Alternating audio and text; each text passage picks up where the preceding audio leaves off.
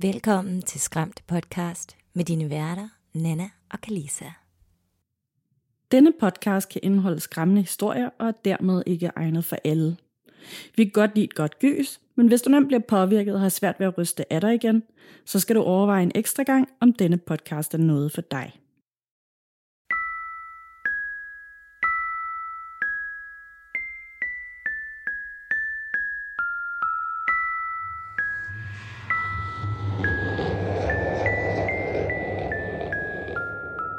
Kalisa, Hej Nana. og hej til alle dejlige lytter, der sidder derude. Velkommen til episode 167. 167. Et rent lytterberetningsafsnit. Ja, og glædelig baghjul til alle. Det er jo øh, anden juledag nu her, hvor det her øh, afsnit udkommer.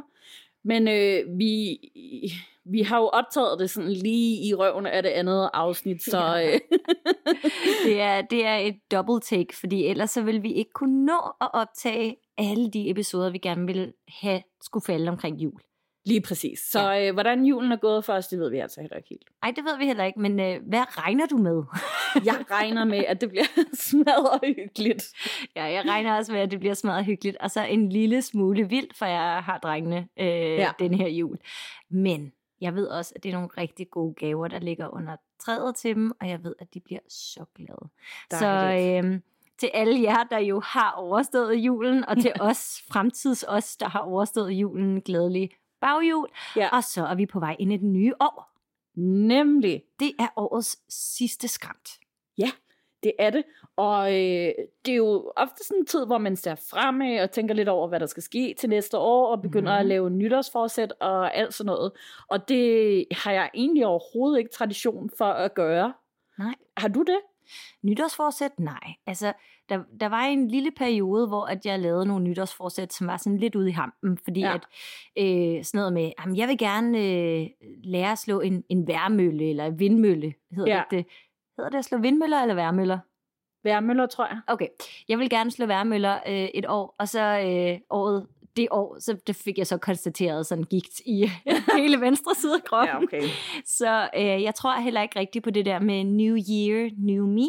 Nej. Fordi øh, jeg synes, det kan være sådan lidt, lidt et skadeligt narrativ. Ja. Man behøver ikke at genopfinde sig selv hele tiden måske. Det er Nej. sådan lidt meget at, at gå med måske. Så øh, jeg tænker, i stedet for at lave en lang liste af ting, jeg vil gøre bedre og være bedre til, så kan jeg faktisk bedre lide at kigge tilbage på, hvor langt jeg er kommet, og hvor Ja. meget jeg har bygget op, og hvor stolt jeg er af mig selv, og min familie, og mine venner, og alle omkring mig.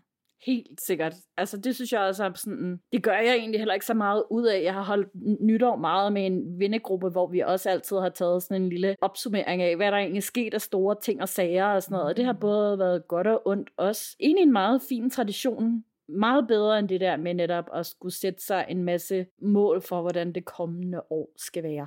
Mm-hmm. Ja, når jeg kigger tilbage på 2023, så føler jeg jo, at Skræmt podcast har fyldt lige pludselig meget Ja. i mit liv. Ja. Virkelig, virkelig dejligt at få Ja. lov til at være med. Og øh, jeg tænker også meget over, hvor meget jeg har rykket mig sådan rent karrieremæssigt. Ja. At bog nummer to jo er på trapperne, og at redigeringsprocessen er gået for alvor i gang nu, og, og det begynder at føles som om, der rent faktisk kommer en bog. Ja. Og det er sådan lidt en spændende ting. Øh, og så også med alle mine undervisningsjobs. Det er jo egentlig ikke det, mit arbejde er, men at undervise skrivehold og komme ud og møde en masse mennesker, som bare tænker anderledes. Ja. Det er enormt inspirerende.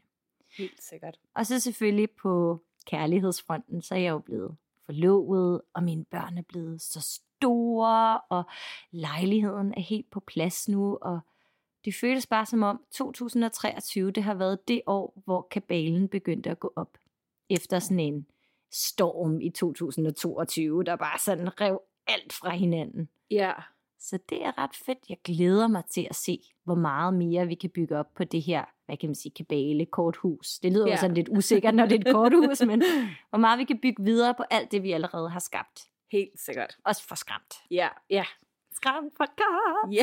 Vi har planer, men jeg tror ikke, vi skal afsløre dem lige nu. Jeg tror, Nej. vi venter til næste episode, hvor at vi kan gennemgå, hvad vores planer er for 2024. Det synes jeg lyder som en rigtig god idé, ja. Fedt. Altså, øhm, hvis jeg skal tage sådan en, en året, der gik-agtig ja. ting nu, så har det her været et af de værste år i mit liv på mange måder det har også været godt, og jeg, jeg har sådan gået de sidste par dage også og tænkt, hvad er det egentlig, der er sådan sket i løbet af det her år? Fordi på en eller anden måde, så føles det som om, at det er gået enormt stærkt, og på samme tid, så føles det også som om, det har været verdens længste år i historien ever. Og jeg synes, det er vildt nok at tænke på, at jeg har været i Indonesien tidligere på året, det var jeg tilbage i april måned, og øh, jeg studerede også tidligere på året, øh, men var nødt til at droppe ud omkring maj måned har det været, april eller maj måned, hvor jeg var nødt til at droppe ud af studiet, fordi jeg ikke kunne passe det. Fordi at mit helbred bare er gået stødt ned ad bakke i løbet af de sidste to år, og især her det her år, der er det bare begyndt ligesom at gå meget hurtigt. Det er sådan snebolden, der bare triller hurtigere og hurtigere ned ad bakken nu. Ikke? Og det har virkelig været hårdt, og så skulle igennem hele den anerkendelsesproces af, at jeg ikke kan det, jeg kunne før, og hvad det egentlig er, der foregår, og at det er jo meget sådan mysterium for mig stadig, fordi jeg egentlig ikke er kommet ret langt i forhold til en afklaring, selvom jeg har været i gang med et langt udredningsforløb, som stadig alligevel også er langt fra færdigt. Mm. Det har også været et dejligt år på mange måder, fordi, fordi jeg har mange gode venner og meget god familie omkring mig, der også har kunnet hjælpe mig og vise, at de er her og støtter mig igennem alt det her, der er svært, og jeg har en rigtig dejlig kæreste, som også ikke nødvendigvis forstår, hvad der er, der sker med mig, men i hvert fald er tålmodig med mig og gerne vil forstå. Og det er det vigtigste. Han vil gerne forstå og giver mig tid og tager det ind og alt sådan noget. Så at det ikke føles som om, at det er et problem mellem os i hvert fald. Mm, mm. Det er dejligt. Ja. Og så er du kommet med på Skram, og det har været en helt fantastisk øh, sådan kreativ opvågning for mig selv også, at du lige pludselig er kommet med noget helt ny energi også. Så jeg har fået sådan mere blod på tanden i forhold til at gøre podcasten større og udvide den og lave nogle flere forskellige ting, samtidig med at vi holder fast i den gode kerne, det er og hele tiden har været, og alt det, der er blevet opbygget. Ja, helt enig. Ja. ja bare, åh, hvad, hvad kan man sige, uden at lyde som sådan en øh, sådan effektiviseringsbusiness, men bare det ja. der med sådan muligheden for at nå ud til flere mennesker. Ja. Muligheden for, at vi to kan gøre det her til en del af vores fuldtidsjob. Nemlig. At vi kan sidde her og nørde og lave de her fede ting, og bare hænge ud med andre mennesker, som tænker måske på nogle andre ting, ja. end sådan, man tør small om nede i børnehaven. Altså, det er bare så fantastisk. Nemlig. Så det er, det er et helt community, det er et helt øh, fællesskab, ja. som der er omkring det her. Og jeg har også bare fået så meget blod på tanden, og jeg er sådan helt, ah, jeg hader ellers det udtryk. Jeg synes, det lyder, det kan tegne sådan en vildt klam billede. Men ja, men det er jo godt i den her sammenhæng. ja, det er jo rigtig godt. Jo, jeg er skræmmende. Uh. blod på tanden, og på hænderne, og på... og ned ad trøjen. på gulvet, ud over det hele. Absolut. Ja. Okay, The Shining med elevatordørene, ja. der går op. Præcis. Men ja, det er virkelig det her, øhm, på en eller anden måde, det at være en del af Skræmt, har, har åbnet op for, hvordan jeg tilgår research af det overnaturlige. Ja. Fordi før har jeg jo bare gjort det sådan helt naturligt, ikke nødvendigvis researchet eller sådan øh, gået i dybden med ting, men bare dyrket det, og nu får jeg faktisk mulighed for at arbejde med det og tale om det. Og det er det, det blows my mind. Altså, tænk, at jeg får lov til det. Hvor er vi bare heldige, også selvom at vi har haft rigtig, rigtig, rigtig meget modgang. Ja. yeah. så er vi sgu alligevel nogle heldige svisker her. Det er det, og man skal øh, virkelig øh, sætte pris på det, at man kommer ud på den anden side. Og øh, sådan er det altid, der er op- og nedtur i livet.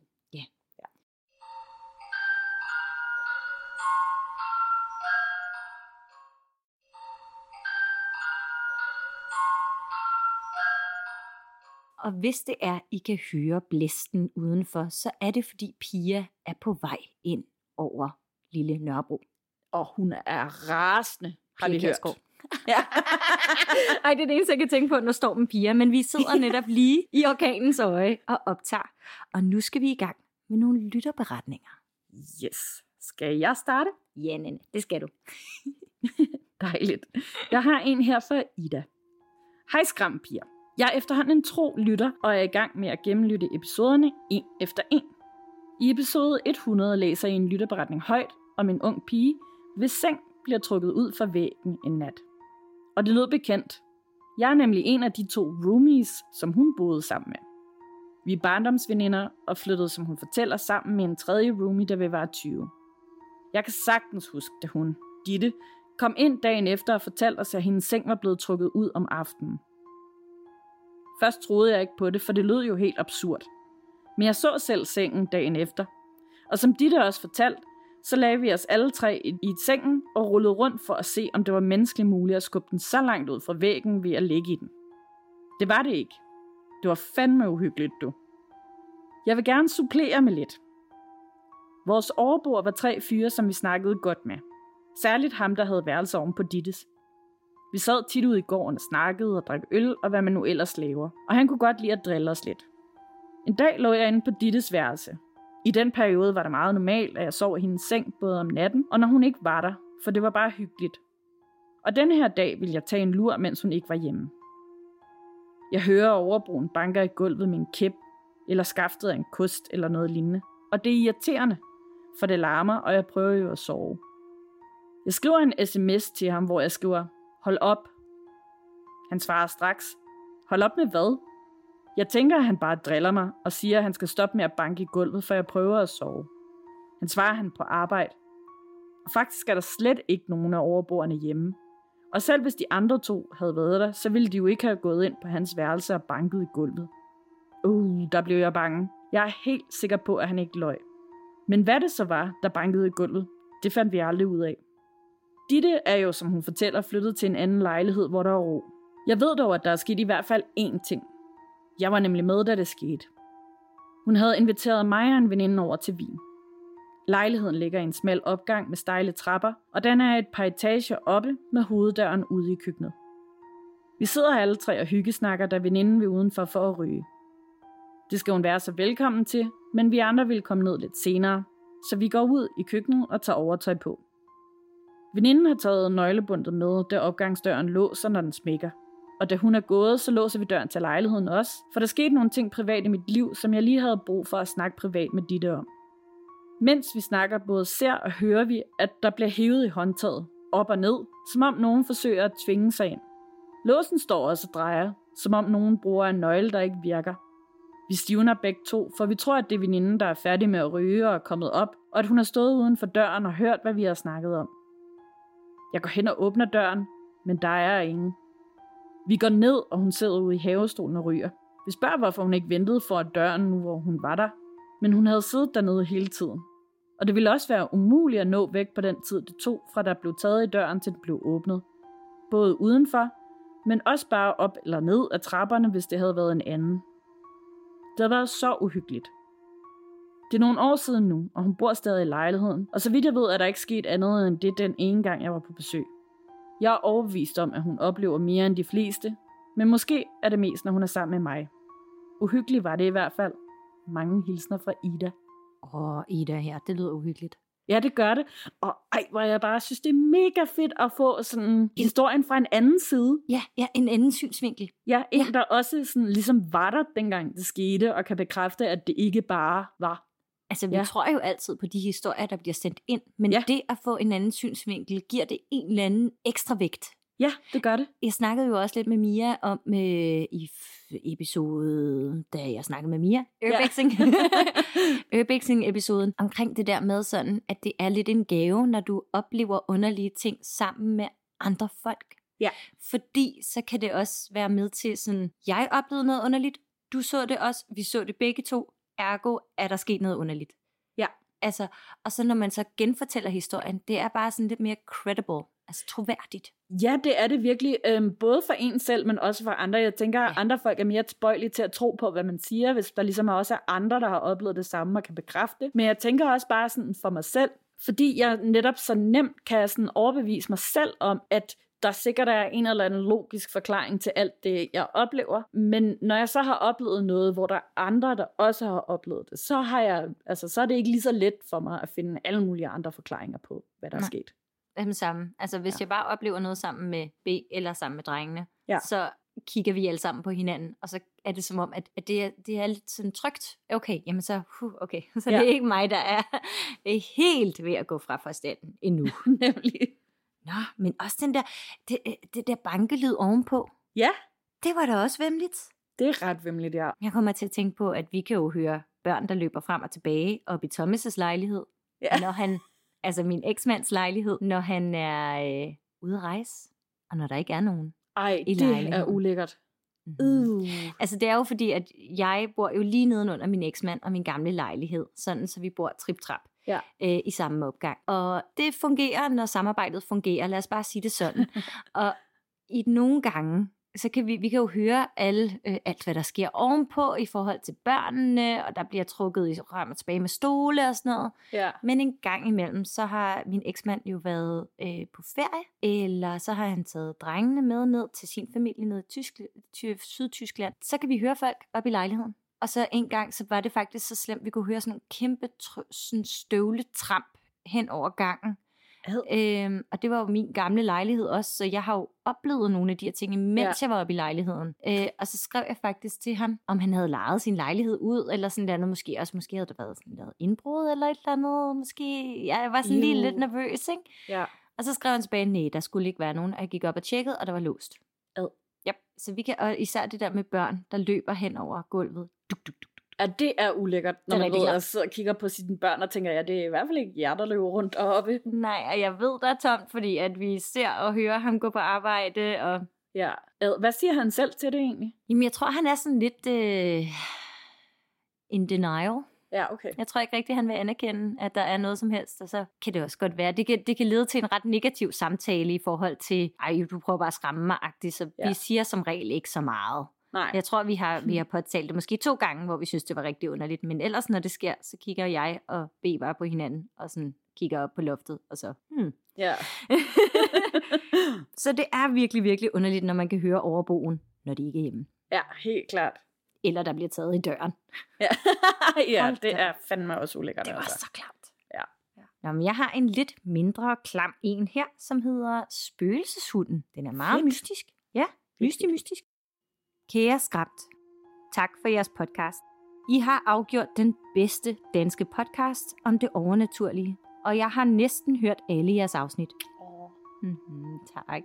Jeres entusiasme og engagement smitter, og I har rigtig gode fortællerstemmer. Jeg har en historie, jeg gerne vil dele med jer, og flere, hvis I finder den interessant. Jeg ønsker at være anonym, når I læser op. Min korte historie kommer her. Min kone og jeg passer ofte en bedårende lille hund, og jeg var en eftermiddag over for at hente ham. Da vi kommer ned på gaden, så er der noget sne og salt, og ingen af delene er hans favoritter, så han sætter sig prompte på måsen, og jeg må bære ham videre. Så ligger han der og nyder udsigten. Vi kommer til en sidevej, og jeg kan se, at han kigger på noget nede ad vejen. Det er stort set kun andre hunde, der fanger hans opmærksomhed, og han er ikke så glad for store sorte hunde. Og ganske rigtigt, cirka 40-50 meter nede ad vejen ser jeg en lille dame omkring de 65 år med indkøbsposer og en stor sort hund i snor ved siden af sig. Jeg siger noget beroligende til min egen hund, og så kigger jeg mig så for, i det jeg går over vejen. Damen er der stadigvæk, men nu uden hund. Det er en snorlige vej, så hunden kunne ikke være løbet i forvejen. Den havde jo et jo også snor på, og der var maks gået 5 sekunder fra, at jeg kiggede første gang, til jeg kiggede igen. Kunne det så have været posen, som damen havde i hånden, som jeg så havde set som en hund i snor? Jeg kan ikke udelukke det 100%. Måske registrerede min hjerne en hund, fordi den hund, jeg bar rundt på, kiggede derover. Jeg tror det dog ikke. Jeg kender hunden meget godt, og den her slags reaktion gav den udelukkende, når den så en anden hund. Hunden var tydelig, snoren var tydelig, og en indkøbspose kan altså ikke så nemt forveksles med en hund i snor, når man ikke går særlig langt væk fra damen. Der var ikke rigtig noget uhyggeligt eller spøgelsesagtigt, hverken over damen eller hunden. Jeg fik ikke en dårlig fornemmelse, men jeg er altså ret sikker på, at vi så en spøgelseshund den eftermiddag. Jeg håber, at I kan bruge min historie, og i så fald så har jeg gerne flere, jeg gerne vil dele med jer. Venlig hilsen, Anonym. Det kunne da sagtens være sådan en spøgelseshund, måske øh, hendes gamle hund. Mm-hmm. Ja, jeg tænkte også som sådan et eller andet som, øhm, åh, sådan en, en, en, en guardian. Ja. Ja. Ja, sådan en følgesvend, eller, eller et eller andet, der måske bare lige bliver hængende. Hendes gamle hund, eller måske hendes mors gamle hund, eller et Ja. eller andet. som følger efter.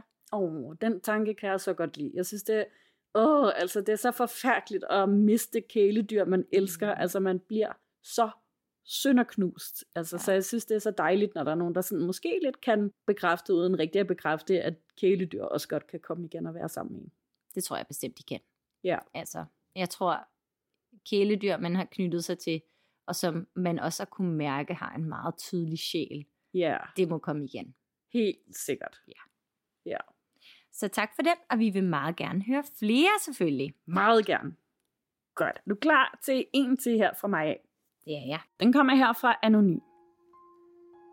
Hej Mia. Jeg vil starte med at sige tak for en helt fantastisk podcast. Jeg har et par historier, som jeg gerne vil dele med jer. Først vil jeg fortælle om en ekstremt underlig dag på arbejdet.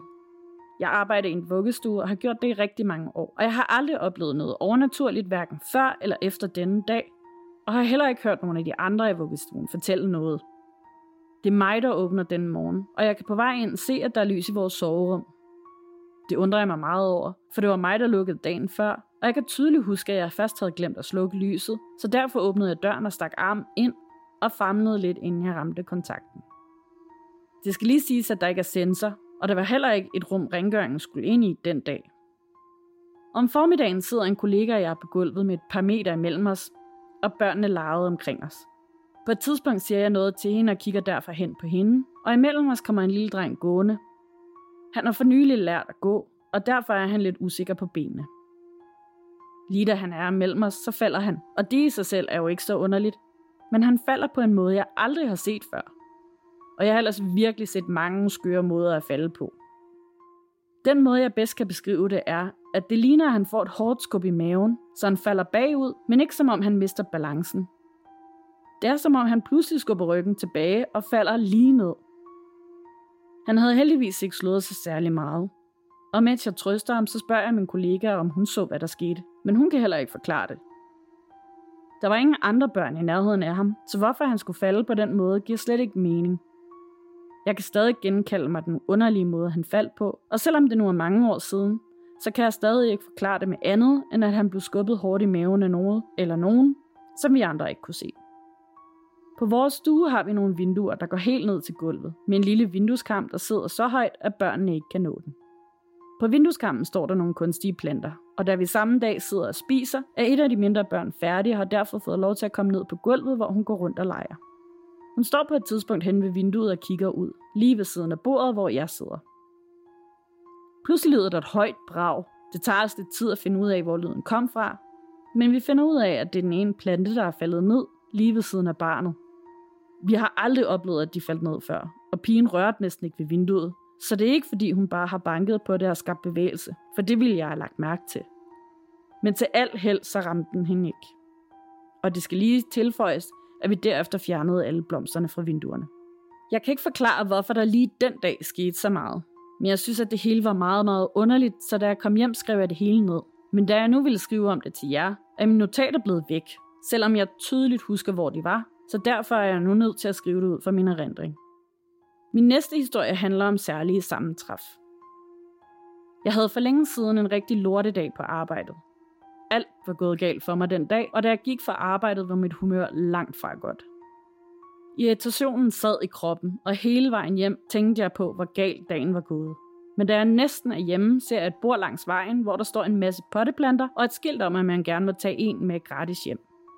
Da jeg så det, var det som om, at al dagens dårlige energi forsvandt. Jeg tog en pelerplante med hjem, og humøret var godt igen. Jeg tænkte efterfølgende meget på, hvor perfekt det var, at der lige denne dag stod det bord, lige netop der på min vej. Flere år senere havde jeg igen en hård dag. Dengang en meget psykisk drænende dag med mange op- og nedture. Da jeg havde fri, følte jeg mig så brugt, at jeg bare gerne ville trække stikket flere uger for at komme ovenpå igen. Jeg elsker at cykle og tager tit en tur om aftenen for at klare mit hoved. Det gør jeg også denne dag. Jeg tager jeres podcast i ørerne og cykler afsted. Jeg tager en af mine normale ture, hvor der kommer meget få biler, og jeg kender hver et lille hul på vejen. Jeg bruger turen på at reflektere over dagen, og cirka halvvejs ser jeg, at der står en kasse nede ved vejen. Jeg sætter farten ned og ser, at der er et skilt, og der står, bare tag en plante. Jeg blev simpelthen så glad og tog endnu en gang en pilea med hjem til vinduet. Det er de eneste to gange, jeg har oplevet, at der var gratis ting langs vejen, og det har bare ramt på de helt perfekte dage for mig. Som jeg skrev, tager jeg tit en cykeltur om aftenen for at klare hovedet efter en lang arbejdsdag. Jeg har forskellige ruter med forskellige længder, som jeg cykler. For det meste ved jeg allerede, hvilken rute jeg vil tage, inden jeg sender mig op på cyklen. Og hvis jeg ikke kan bestemme mig inden, så klarer kroppen det helt automatisk, når jeg kommer ned for enden af vejen, og ubevidst enten drejer jeg til højre for den lange tur, eller til venstre for den korte.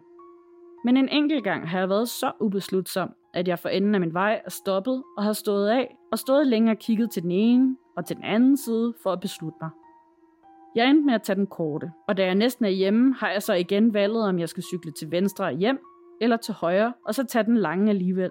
Jeg havde stadig en masse energi, vejret var godt, og jeg kan igen ikke beslutte mig. Så jeg vælger at stå af cyklen og kigger længe, og tænker, at jeg kunne tage den lange, men i den modsatte retning, som jeg normalt ville have taget den i. Men alligevel endte jeg med at tage direkte hjem. Næste dag kan jeg se på sociale medier, at der var sket en rigtig slem ulykke, hvor en motorcyklist var blevet påkørt og var afgået ved døden. Det var sket på min lange rute, så hvis jeg den dag på et af tidspunkterne havde valgt at tage den, så havde jeg ramt præcis det sted og tidspunkt, ulykken skete. Jeg er så lykkelig over, at jeg ikke fik den oplevelse, men at der i stedet for var noget inden i mig, der holdt mig tilbage fra at tage netop denne vej denne dag. Jeg tager i dag stadig ofte den tur, og jeg har ikke i siden været i tvivl om, hvilken vej jeg skulle tage. Men hver gang jeg cykler forbi der, hvor ulykken skete, så tænker jeg på, hvor heldig jeg var ikke at være vidne til, eller måske endda være en del af ulykken. Til slut får Eline historie om en glitch in the Matrix. I bestemmer selv, om I vil tage den med nu, eller gemme den til et særafsnit. Det er ikke mig selv, der har oplevet det, men en jeg kender. Hun havde et par rigtig dejlige, pæne sko, som hun elskede at gå i. En dag opdager hun, at hun pludselig har to identiske par. Det er lidt mere brugt end det andet, men ellers er de fuldstændig ens. Hun skriver ud til alle, som hun har været sammen med, om der er nogen, der mangler dem. Hun lægger billedet op af to par op inde på hendes Facebook, men der er ingen, der mangler dem. Fodtøj er heller ikke lige noget, man glemmer at tage med, når man har været på besøg. Det er ikke sko, jeg har set andre steder, og hun er ikke typen, der har mange sko og derfor har glemt, at hun havde dem i forvejen. Der er simpelthen ingen forklaring på, hvorfor der pludselig er to par, andet end at det er en glitch in the Matrix, og at der måske nu er et parallelt univers, hvor der er en, der ikke kan finde sine pæne sko. Mange hilsner den anonyme. Åh, oh, det der med Glitch in the Matrix, det synes jeg er så fascinerende. Men jeg vil Ja. næsten hellere lige starte fra start af, fordi ej, en vild børnehave. Jeg, Ja. Altså, jeg elsker virkelig, altså det er jo forfærdelige ting, der siger, altså børnene kunne komme til skade og sådan nogle ting, men, men, men der er et eller andet ekstremt fascinerende ved hjemsøgte børnehaver. Ja, det er der, og det er relativt sjældent, vi har hørt om det her faktisk. Mm-hmm. Jeg husker kun to andre gange, hvor vi har hørt om noget, der er sket i børnehaver. Ellers er det mere sådan hospitaler og plejehjem og den slags. Ja, fordi det lyder lidt som om, ja, det kunne da godt være, at han har fået et lille skub. Ham, den, øh, den, det, det usikre barn, der sådan Ja. ja. ligesom sådan vralter lidt afsted. Ja. Øhm, Nå. og det var da synd. Det, det havde barnet da ikke fortjent. Nej. Og det samme med den der potteplante, der faldt ned, sådan måske lidt faretroende tæt på, på Ja. pigen ved vinduet. Det virker sådan lidt ondskabsfuldt, ikke? Det tænker jeg nemlig også. Godt, at det kun sådan lige skete den gang, og det ikke umiddelbart er noget, der er tilknyttet stedet. Måske er det noget, en af dem havde med sig lige den dag. Måske. Det Ja. kunne godt være. Altså, Ja. der er jo ting, der godt kan, kan klæbe sig fast til, til os, når ja. vi bevæger os igennem verden og energier og sådan nogle ting. Lige præcis. Og så også interessant både det med planten, øh, planterne, Ja. øh, og med, at øh, der simpelthen var en, der holdt hånden over dig og øh, hjalp dig på den rigtige sti Ja, det tænker jeg også som med ulykken. ligesom, altså, ja, alt egentlig pegede i retning af, at man godt lige kunne tage den der ekstra lange tur oveni, fordi at der var masser af energi, og vejret var godt, og det hele. Mm. Mm-hmm. Men så alligevel, så er der et eller andet, der bare sådan får hende til at køre hjem. Mm-hmm. Ja. Det viser altså bare, at man skal lytte til den der intuition, den der mavefornemmelse. Ja. Mm-hmm. Det bliver man nødt til. Nemlig. Og så havde jeg det ret vildt over den her glitch in the Matrix. Ja. Fordi vi har haft en lytterberetning om en glitch in the Matrix før. Ja. Hvor det også handlede om sko. What? Ja, og det var, det var en datters øh, par sko, og jeg mener, det var sådan nogle frost-sko eller et eller andet, Ja. hvor der også lige pludselig var et ekstra par.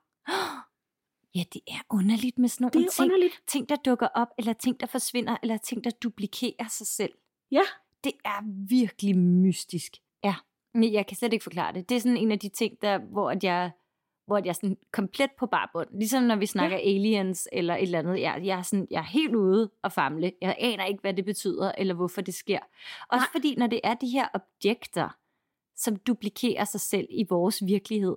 Ja. Altså, det er jo, det er jo ubenægteligt. Du har jo to par. Altså, Præcis. Altså, du kan holde to par og tage at føle på. Ja. Hvor at, at spøgelser, der glider igennem, og sådan, åh, er det en drøm, er det virkelighed, er det søvnparalyse, er det en anden oplevelse, er det mig, der er gakkelak, eller aliens, jamen okay, jamen er det, er det himlen, der havde et eller andet fænomen, en, en, en stjerne, der imploderede i, i distancen, eller sådan noget, ikke? Jo. Her har du to par sko. Nemlig. Et i den ene hånd, et i den anden hånd.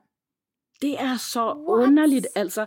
Og sådan, jeg kom faktisk også i tanke om, at jeg har prøvet lidt noget lignende en gang selv, da jeg var lille. Mhm. Jeg tror måske, jeg har været omkring en 5, 6, 7 år gammel max. Og øh, krystaller var en ret ny ting for mig. Jeg havde fået en rosekvarts af min farmor, og så øh, tror jeg også, jeg selv sådan, havde brugt nogle af mine lommepenge på at købe en bjergkrystal og en øh, ametyst. Mm-hmm. Og så havde jeg også en månesten, som jeg også havde fået af min farmor. Så jeg havde de der fire der. Og så øh, havde jeg en papkasse inde på mit værelse, øh, som jeg ikke rigtig ved, hvor kom fra. Eller jeg kan ikke huske, hvad det var for en papkasse, hvad der havde været i den, eller noget. Jeg kan bare huske, at jeg rodede med den her papkasse, og lige pludselig så falder der en krystal ud. En blå, sådan en krystal, blå, glitrende krystal ud af den. Jeg ved så i dag, at det er en øh, lapis lazuli, hedder den. Ja. Og jeg har den stadig. Og jeg kan huske, at jeg undrede mig så meget over, hvor den kom fra. Ja. Øhm, fordi der var ikke nogen andre i min familie, der havde krystaller. Øhm, så det er ikke fordi, at de har, øh, har tabt en ned i den her kasse. Og der er ikke blevet købt noget i min familie, hvor det giver mening, at der er nogen, der skulle have tabt en krystal ned i kassen med de andre ting, der så havde været i den, så den er havnet der på den måde. Det kan jo gå sagtens have sket, mm. øhm, men ikke på en måde, hvor at det sådan er åbenlyst eller giver mening. Og der var heller ikke nogen af mine venner dengang, der sådan havde krystaller, og det var en ting, vi snakkede om, eller noget som helst. Så jeg aner simpelthen ikke, hvor den der krystal kommer fra. Nej. Lige, pludselig var den der bare. Det er så underligt. Jeg havde også en enkelt episode lige herovre på Assistensens Kirkegård. Ja. Nu hvor vi sidder og snakker om det. Og det var øh, det er for lang tid siden. Tænk øh, 2013. Ja. Eller noget i den stil, ikke? Og jeg øh, sidder på assistensen, så vi sidder over den gamle afdeling øh, med de gamle, øh, sådan, hvad kan man sige, sådan, ikke de aktive grave. Ja. Og vi sidder for en øl på sådan et picnic-tæppe og hygger. Øh, jeg får tørre læber, og så leder jeg efter min læbromad. Jeg har nemlig sådan en Carmex med, øh, hvad hedder det, øh, kirsebærsmag, som jeg Ah, lige ja. har fået i USA. Jeg Ja. har lige købt den. Dengang så havde vi jo ikke, nu i normalt der kan vi jo få alt nu, ikke? Ja, præcis. Dengang, så var Carmex med kirsebærsmag ikke rigtig noget, man havde i Danmark, så havde jeg købt en i USA Ja. og taget den med hjem og brugt den rigtig meget. Jeg kan ikke finde den i min taske. Jeg har heller ikke fundet den sidenhen. Det kan være, at den er blevet smidt ud. Men i det, jeg sidder og drikker øl og sådan ryger cigaretter og snakken går og sådan noget, så sætter jeg hånden ned i græsset. Og dernede, gravet ned under et eller andet, der er der noget, der stikker op, og jeg børster sådan græsset og jorden lidt væk. Så er det en Carmex kirsebær smag øh, læbepromade, men den her er oldgammel. Okay, what? Hvor stenet? Oldgammel. Altså, jeg, jeg, jeg åbnede den endda, fordi jeg tænkte sådan, ej, er det mig, der har sat mig ovenpå den, og sådan, men jorden Ja. var overhovedet ikke blød. Det var sådan sensommer, så jorden var virkelig udtørret og hård, ikke? Altså, Ja, ja, alt græsset var næsten svedet af. Men nej, det var bare sådan en, det var bare en, en gammel duplicate. Og What? det var så underligt, at det lige skulle ske for mig lige den dag, hvor jeg ikke kunne finde... Ej, det var ja. bare mærkeligt. Ja, ja. Så, øhm, så jeg, jeg ved ikke, hvad jeg skal tænke om de her glitches in the Matrix, men det sker bare. Der sker de her underlige ting en gang imellem, og det er uforklarligt. Ja, det er det virkelig. Det er så, det er så underligt. Det er virkelig mærkeligt. Ja. Men nu sagde du jo, at det ikke er så tit, at vi hører fra børnehaver. Derimod så plejer det mest at være hospitaler og plejehjem og sådan noget. Og jeg har faktisk også en lille lytterberetning her fra Drilske Ånder på demensafdelingen. Uh. Mm-hmm. Hej Skræmt podcast. Først vil jeg gerne takke jer for en fantastisk podcast. Jeg lytter til jer hver dag, og jeres stemmer er så beroligende at lytte til, så tusind tak. Jeg har lige lyttet til afsnit 152, og jeg har faktisk selv tre beretninger. Jeg er uddannet social- og sundhedsassistent, og har arbejdet med det fag i 10 år sammenlagt. Lige da jeg blev uddannet social- og sundhedsassistent, fik jeg en stilling på demensafdelingen, og her skete der nogle ting, da jeg havde aftenvagter. Generelt har personalet alle sine faste beboere, som vi skal passe på. Og min faste beboer gik bort. Hende og jeg havde ellers haft rigtig god kontakt, og vi elskede at drille hinanden, da hun var i live. Jeg har en tatovering på benet af fem svaler, og hun elskede den. Om sommeren, når jeg havde smurt buksebenene op, sådan så man kunne se min tatovering, og jeg stod lige ved siden af hende, så skulle hun altid lige røre ved den og æge svalerne. Når jeg var på vagt, så gik hun op og ned ad gangene og slukkede for lyset, fordi hun vidste, at jeg ville gå efter og tænde for lyset igen. Det kunne vi få lang tid til at gå med. Et par dage efter hendes bortgang havde jeg aftenvagt. Jeg sad inde på kontoret og dokumenterede. Og så begyndte det at kilde på mit højre ben, lige der, hvor jeg har mine fem svaler. Som om der var nogen, der ædede mig på benet. Jeg smilte kort og dokumenterede videre. Fem minutter efter slukkede lyset så inde på afdelingen. Kontoret lå lige ved siden af. Jeg gik ind og tændte lyset og satte mig ind på kontoret igen. Kort efter slukkede lyset igen, og jeg gik endnu en gang ind for at tænde det. Men til sidst, en sidste gang slukkede lyset, og jeg gik ind på afdelingen, smilte og sagde den afdødes beboers navn. Efterfuld dag, din bandit, lyset skal altså være tændt. Jeg ved godt, at du elsker at drille mig og slukke for lyset, men jeg har snart fri. Jeg skal gøre mit arbejde færdigt, så jeg kan komme hjem til tiden. Jeg smilte og tændte lyset igen, og så gik jeg ind for at gøre mit arbejde færdigt. Og lyset forblev tændt, indtil jeg gik hjem, og jeg sagde pænt tak til den afdøde beboer. Min anden beretning er lidt kortere, men her kommer den. Jeg skulle over på en anden afdeling for at give noget beroligende til en anden beboer, som var meget rolig. Jeg gik over på afdelingen, og min kollega gik med mig ind til beboeren. Jeg sagde mit navn, sagde, at jeg var kommet for at hjælpe, men da hun vendte sig om, blev jeg helt mundlam. Hun lignede min farmor på en prik. Min afdøde farmor. Og den dag var det præcis syv år siden, at hun gik bort. Det var ikke kun, at hun lignede min farmor lidt. Nej, det var identisk. Ansigtet, kropsbygningen, højden, hendes stemme, talemåden, alt ved hende. Selv hendes personlighed var meget lig min farmor, og det var lidt skræmmende. Men også smukt. Beboeren fik det beroligende, og jeg sikrede mig, at det havde en god effekt, før jeg gik tilbage til min egen afdeling. Min tredje og sidste beretning. Jeg var i aftenvagt med en kollega. Jeg sad på kontoret og dokumenterede, og min kollega var inde på afdelingens køkken. Lige pludselig hører jeg kollegaen sige, Ja, hvad er der? Jeg grinte lidt og sagde sådan, jeg sagde ingenting. Kort tid efter sagde hun igen, men mere irriteret. Altså, hvad er der? Og min kollega gik ind på kontoret og så på mig. Du kaldte? Jeg kigger undrende på hende og sagde, nej, jeg kaldte altså ikke på dig. Vi så på hinanden længe, og så blev vi enige om, at der nok var besøg fra det åndelige. Endnu en gang kæmpe tak for en fantastisk podcast. I gør det så godt, og jeg nyder at lytte til jer. Ha' en fantastisk dejlig dag. Hilsen Julie. Åh, tusind tak, Julia. og Tusind Ja. tak for tre virkelig, virkelig gode og spændende historier, Ja, som virkelig også var bare, synes jeg, dejlige og rørende og sådan opløftende. Ja. Ja. ja. Det synes jeg virkelig også var dejligt. Ja. Også, øhm, altså jeg kan forestille mig, at det jo er, er ret mentalt krævende at arbejde på en demensafdeling. Ja. Og der er nok nogle ting, man bliver nødt til at gentage ret mange gange. Ja. Så det der med, at, at I kunne få lang tid til at gå med den der lyseslukke-leg, det synes Ja. jeg var, det, det er lidt kært jo. Ja, Det det, er er, kært. virkelig, virkelig kært, og jeg synes også, det bare var så når, altså sødt, at sådan lige komme tilbage lige Mhm. efter døden og lige gøre det igen en bandit. sidste gang. Ja, ja. Ej, det var bare virkelig, virkelig cute. Det synes jeg nemlig også, det var ja. Nemlig rigtig cute. Så tusind tak for det, og du må endelig skrive ind til os igen, hvis du kommer i tanke om noget, eller hvis du oplever noget. Og så vil jeg lige sige til alle jer andre, I må også gerne komme med jeres beretninger. Nemlig, og øh, slå jer løs, bare skriv øh, stort og småt, langt mm-hmm. eller kort, øh, det er ligegyldigt. Og øh, vi har sagt det før, hvis I har det bedre med at sende en video eller en lydfil, så er I også meget velkommen til at gøre det. Og vi kan også godt sagtens øh, ringe til jer og øh, tage den over telefonen eller noget i den stil, hvis I har det meget bedre med det. Vi kan finde ud af alting.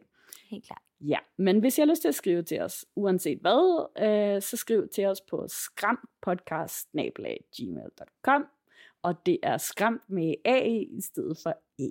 Nemlig, og så er det der, vi læser e-mailsene. Men I kan også godt følge os inde på Instagram, og vi hedder vist også bare Skræmt Podcast med AE, ikke? Jo, det gør Jo. vi nemlig. Eller inde på Facebook-gruppen. Man skal bare lige ansøge om at blive medlem, og I bliver lukket ind med det samme. Yes, præcis. Er du klar til en lille kort en her til sidst? Ja, jeg er så klar.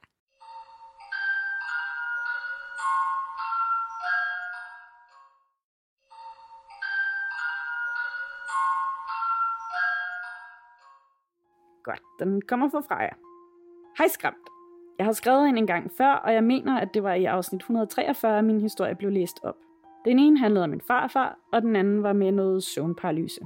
Men jeg har oplevet lidt siden da. Jeg har flere gange oplevet, at jeg kan se nogen bag min dør. Der var en aften eller en nat, hvor jeg ikke kunne sove, så jeg lå og så noget på min computer. Lige pludselig fik jeg en fornemmelse af, at der var en, der kiggede på mig, så jeg kiggede hen mod min dør. Bag ved døren kunne jeg bare se et hoved, der tittede frem.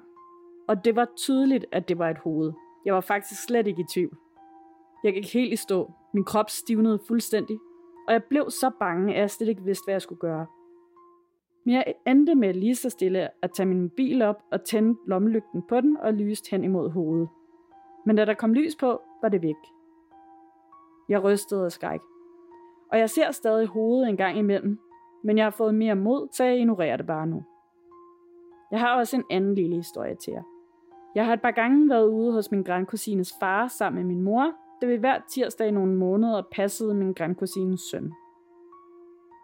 Inden jeg begynder på historierne, skal det lige siges, at min grandkusines fars kone er død, og at hun døde i huset. Men ja, der begyndte at ske lidt klamme ting i det hus, da vi havde været der nogle gange. En dag, hvor vi sad og spiste aftensmad, sad min grandkusines søn for enden af bordet, så vi kunne holde øje med ham. Men mens vi sidder og spiser, så vender sønnen lige pludselig hovedet og kigger om bag sig. Og han sad nok og stirrede ud i luften i omkring 30 sekunder, hvor han seriøst bare sad og stirrede. Jeg tænkte allerede der, at det var hans mormor, han kunne se, og jeg fik gåsehud over alt på min krop, da det skete. Jeg har også tit oplevet, at når jeg skulle putte den lille alene ind i deres stue, så følte jeg mig aldrig alene. Jeg har altid følt, at der var nogen ved mig, udover babyen. Og jeg har altid følt, at det var en, der holdt øje med mig, imens jeg puttede babyen. Faren siger også, at han tit hører nogen ude i køkkenet, selvom han ved, at hunden er inde i stuen sammen med ham, så det ikke kunne have været den. Men når han så gik ud for at kigge, så var der ingenting at se. Han har også sagt, at han tit kan lugte røg derudefra, og han ryger altså ikke selv, men det gjorde hans kone. Og altid ude i køkkenet eller i deres udestue. Nå, det var lige lidt flere historier fra mig.